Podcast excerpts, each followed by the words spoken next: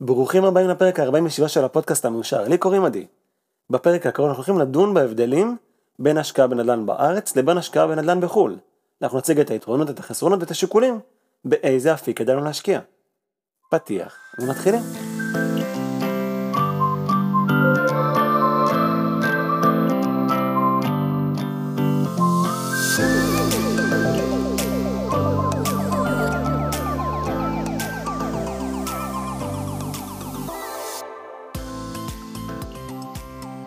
רגע לפני שאנחנו ממהרים ככה להתחיל ולהצג את היתרונות ואת החסרונות חשוב לי להגיד אני לא יועץ פנסיוני, לא יועץ פיננסי, למעשה אין לי אפילו תואר.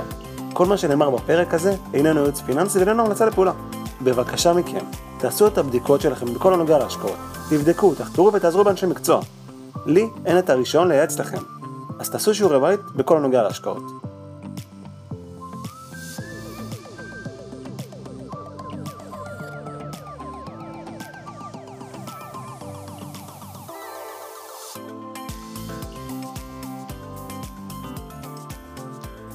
אני חושב שאחד הקריטריונים הבולטים ביותר בכל מה שנוגע אליי ולהשקעות, הוא קודם כל אלמנט הנוחות. כאשר אני בוחר השקעה מכל סוג שהוא, חשוב לי מאוד שההשקעה הזאת תהיה נוחה עבורי. ואני אסביר מה זה נוחות מבחינתי. נוחות זה אומר שאני צריך להקדיש מינימום זמן ומאמצים בכדי לנהל את ההשקעה הזו. אז אם אנחנו רוכשים דירה בארץ, אין ספק בכלל שלרכוש דירה בארץ להשקעה, זו פעולה שהיא הרבה יותר נוחה וקלה מבחינה ניהולית מאשר לרכוש דירה בארצות הברית למשל. אם יש לנו תקלה מסוימת בדירה בארץ, אנחנו פשוט מרימים טלפון לבעל מקצוע, והבעיה תיפתר בתוך כמה שעות. הרבה יותר קל לנו לפקח על הבעיה, ולפתור אותה במידת הצורך. מצד שני, אם יש לנו תקלה כזו או אחרת בדירה בחו"ל, יש סיכוי שלנו טיפה יותר קשה להתמצא. ואנחנו נצטרך את האנשי מקצוע הנכונים, ואנחנו גם לא תמיד נדע ונבין, ויכול להיות שזה יהיה יותר מאתגר לטפל באותה בעיה. אז קודם כל, מבחינת הנוחות, אין ספק שקניית דירה בארץ הרבה יותר נוחה מקניית דירה בחו"ל. אז בקטגוריה הזו, דירה להשקעה בארץ מנצחת. קטגוריה שנייה שלדעתי היא חשובה לא פחות, היא ענייני התרבות והשפה. אם כך נסתכל על דירה להשקעה בארץ, התרבות ידועה לנו. ידוע לנו שנדל"ן בארץ הוא הכרח. כולם מבינים את הנוסחה הזו בארץ, שלקנות בית זה חובה. ושלקנות דירה זה חינוך ואמונות שהשרישו בנו מגיל קטן.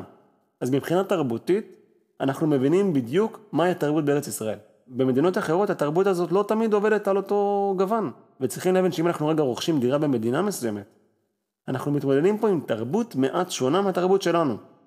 אז זה משהו שצריך לשים לב אליו.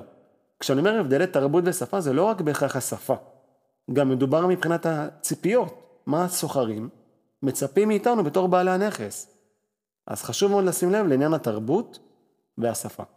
בקריטריון הזה אפשר להגיד ששוב, קניית דירה להשקעה בארץ הרבה יותר נוחה מקניית דירה בחו"ל. קריטריון הבא, היכרות עם השוק המקומי. כאשר אנחנו רוכשים דירה בארץ, יהיה לנו מאוד מאוד קל לאסוף מידע על הדירה הזו. למשל, האם המחיר שהמוכר מבקש על הדירה הזו הוא מחיר רציונלי. מצד שני, אם יקנה דירה בחו"ל, יש סיכוי שאנחנו לא באמת נוכל לבדוק האם המחיר של אותה דירה הוא מחיר נכון עבור הדירה הזו.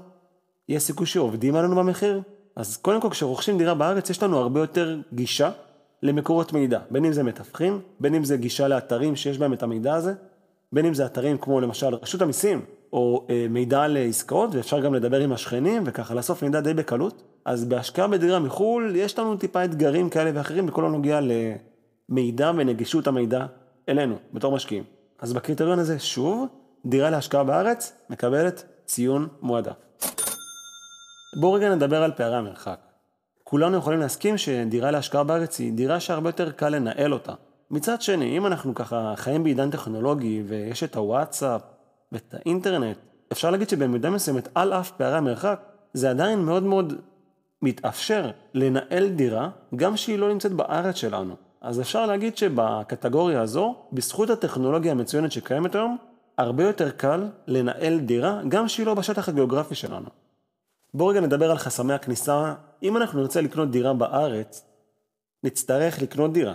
במחיר של כמיליון שקלים לכל הפחות. יש גם דירות זולות יותר, יש דירות יקרות יותר, אבל בערך פחות או יותר דירה נורמלית להשקעה יכולה להתחיל ב-800 וצפונה. יש גם דירות זולות יותר, אבל אנחנו עדיין רוצים לכוון לדירות הטובות יותר בכל שוק שכירות. המחירים של דירה בארץ להשקעה הם מחירים הרבה יותר יקרים ביחס לדירה מחו"ל. כלומר, המחיר של דירה בארץ להשקעה יקר משמעותית ביחס לדירה שנקנה אותה בחו"ל. בית בחו"ל להשקעה יכול לעלות 100 אלף דולר, 150 אלף דולר. אז קודם כל מבחינת רף הכניסה, הרבה יותר קל לקנות דירה בחו"ל. למה?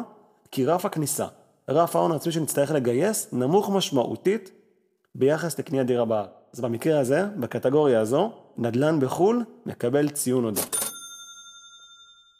בואו רגע נדבר על תשואה.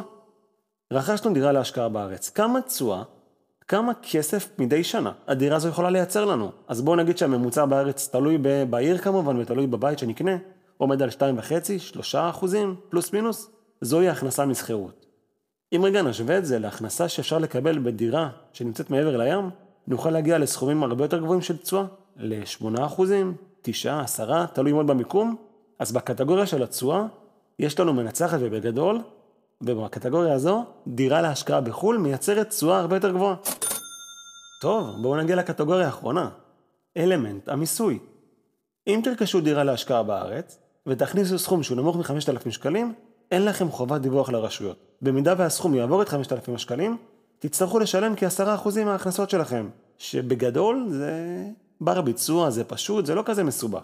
אם תרכשו דירה מחו"ל ותייצרו מהדירה הזו הכנסות, תצטרכו לשלם מהשקל הראשון כ-15% עבור ההכנסה שלכם. אז אם רגע נשווה בין המיסוי בנדל"ן בארץ לנדל"ן מחו"ל, במקרה הזה, דירה להשקעה בארץ, בחלק מהמקרים פטורה ממיסוי. ובמקרה הזה, היא מנצחת בקטגוריה. טוב, הגענו לחלק האחרון של הפרק. בחלק הזה אני רוצה ככה להתמקד במהי הסיבה שאני בחרתי שלא להשקיע בנדל"ן בחו"ל. אז קודם כל, אני בתור אדם שהוא משקיע, ואני מגדיר את עצמי בתור משקיע שהוא אקטיבי ואני אוהב להיות מעורב בהשקעות שלי, לי מאוד מאוד קשה עם האלמנט של חוסר השליטה. מאוד קשה לי. כאשר אני מרגיש תחושה של חוסר שליטה, זה גורם לי להרגיש חוסר ביטחון בהשקעה שלי. כלומר, אם אני, כדי לנהל את הנכס, אני אמור להיות תלוי באנשים אחרים שנמצאים בשטח, וזה מונע ממני את היכולת לשלוט בנכס בצורה מעמיקה, זה עלול לגרום לי לחוסר נוחות. וזוהי הסיבה העיקרית בגללה אני לא רוכש דירות מחוץ לעם. אני גם בוחר כרגע שלא להשקיע בנדל"ן בארץ. אני חושב שכרגע המחירים בארץ מאוד מאוד יקרים, ונראה לי שזה כרגע לא כל כך חכם להשקיע בדירה בארץ, כי התשואה מאוד מאוד נמוכה, וזה מרגיש לי לא כל כך נכון. אז קודם כל, אני מזמין אותך ואותך, אם במקרה דילגתם על הפרק הראשון בפודקאסט, אני מזמין אתכם רגע לעצור ולהאזין לו, ולראות איך אני משקיע בנדל"ן בצורה שהיא טיפה שונה. איך אני משקיע בנדל"ן על ידי השקעה בשוק ההון. מוזמנים להאזין לפרק הראשון של הפודקאסט.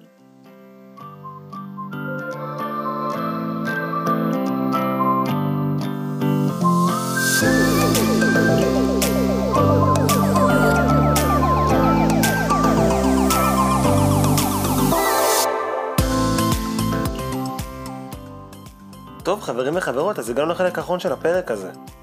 קודם כל חשוב לי להגיד שאני לא חושב שיש כזה דבר השקעה טובה או השקעה רעה. אני חושב שכל השקעה מכל סוג שהוא יכולה להיות טובה, תלוי משקיע. אז אם אתם בוחרים ככה להשקיע מעבר לים, חשוב שככה תעזרו באנשי מקצוע, תעזרו בחברות ניהול שיעזרו לכם להשיג סוחרים טובים, תעזרו באנשים שמבינים וכבר עשו את זה לפניכם. תעשו את כל המאמצים כדי להפוך את ההשקעה הזו לבטוחה ונכונה עבורכם. לגבי השקעות בארץ כולנו מכירים, אז ככה אין לי יותר מדי מה להעמיק. לכל השקעה יש את היתרונות והחסרונות שלה. אבל לפני שאתם בוחרים ככה להשקיע, תבצעו שיעורי בית. תחקרו, תלמדו, תעמיקו, ורק לאחר מכן, תבצעו השקעות. אחרי שאתם יותר חכמים ואתם מבינים הרבה יותר. לכל מי שרוצה או רוצה ליצור איתי קשר, מזמין אותך ואותך לשלוח לי אימייל. האימייל שלי זה עדי יעקב פודקאסט, שטרודל Gmail.com, זה A-D-I-Y-A-A-K-O-V, פודקאסט זה פודקאסט, שטרודל Gmail.com. תודה רבה על ההאזנה, וניפגש בפרקים הבאים.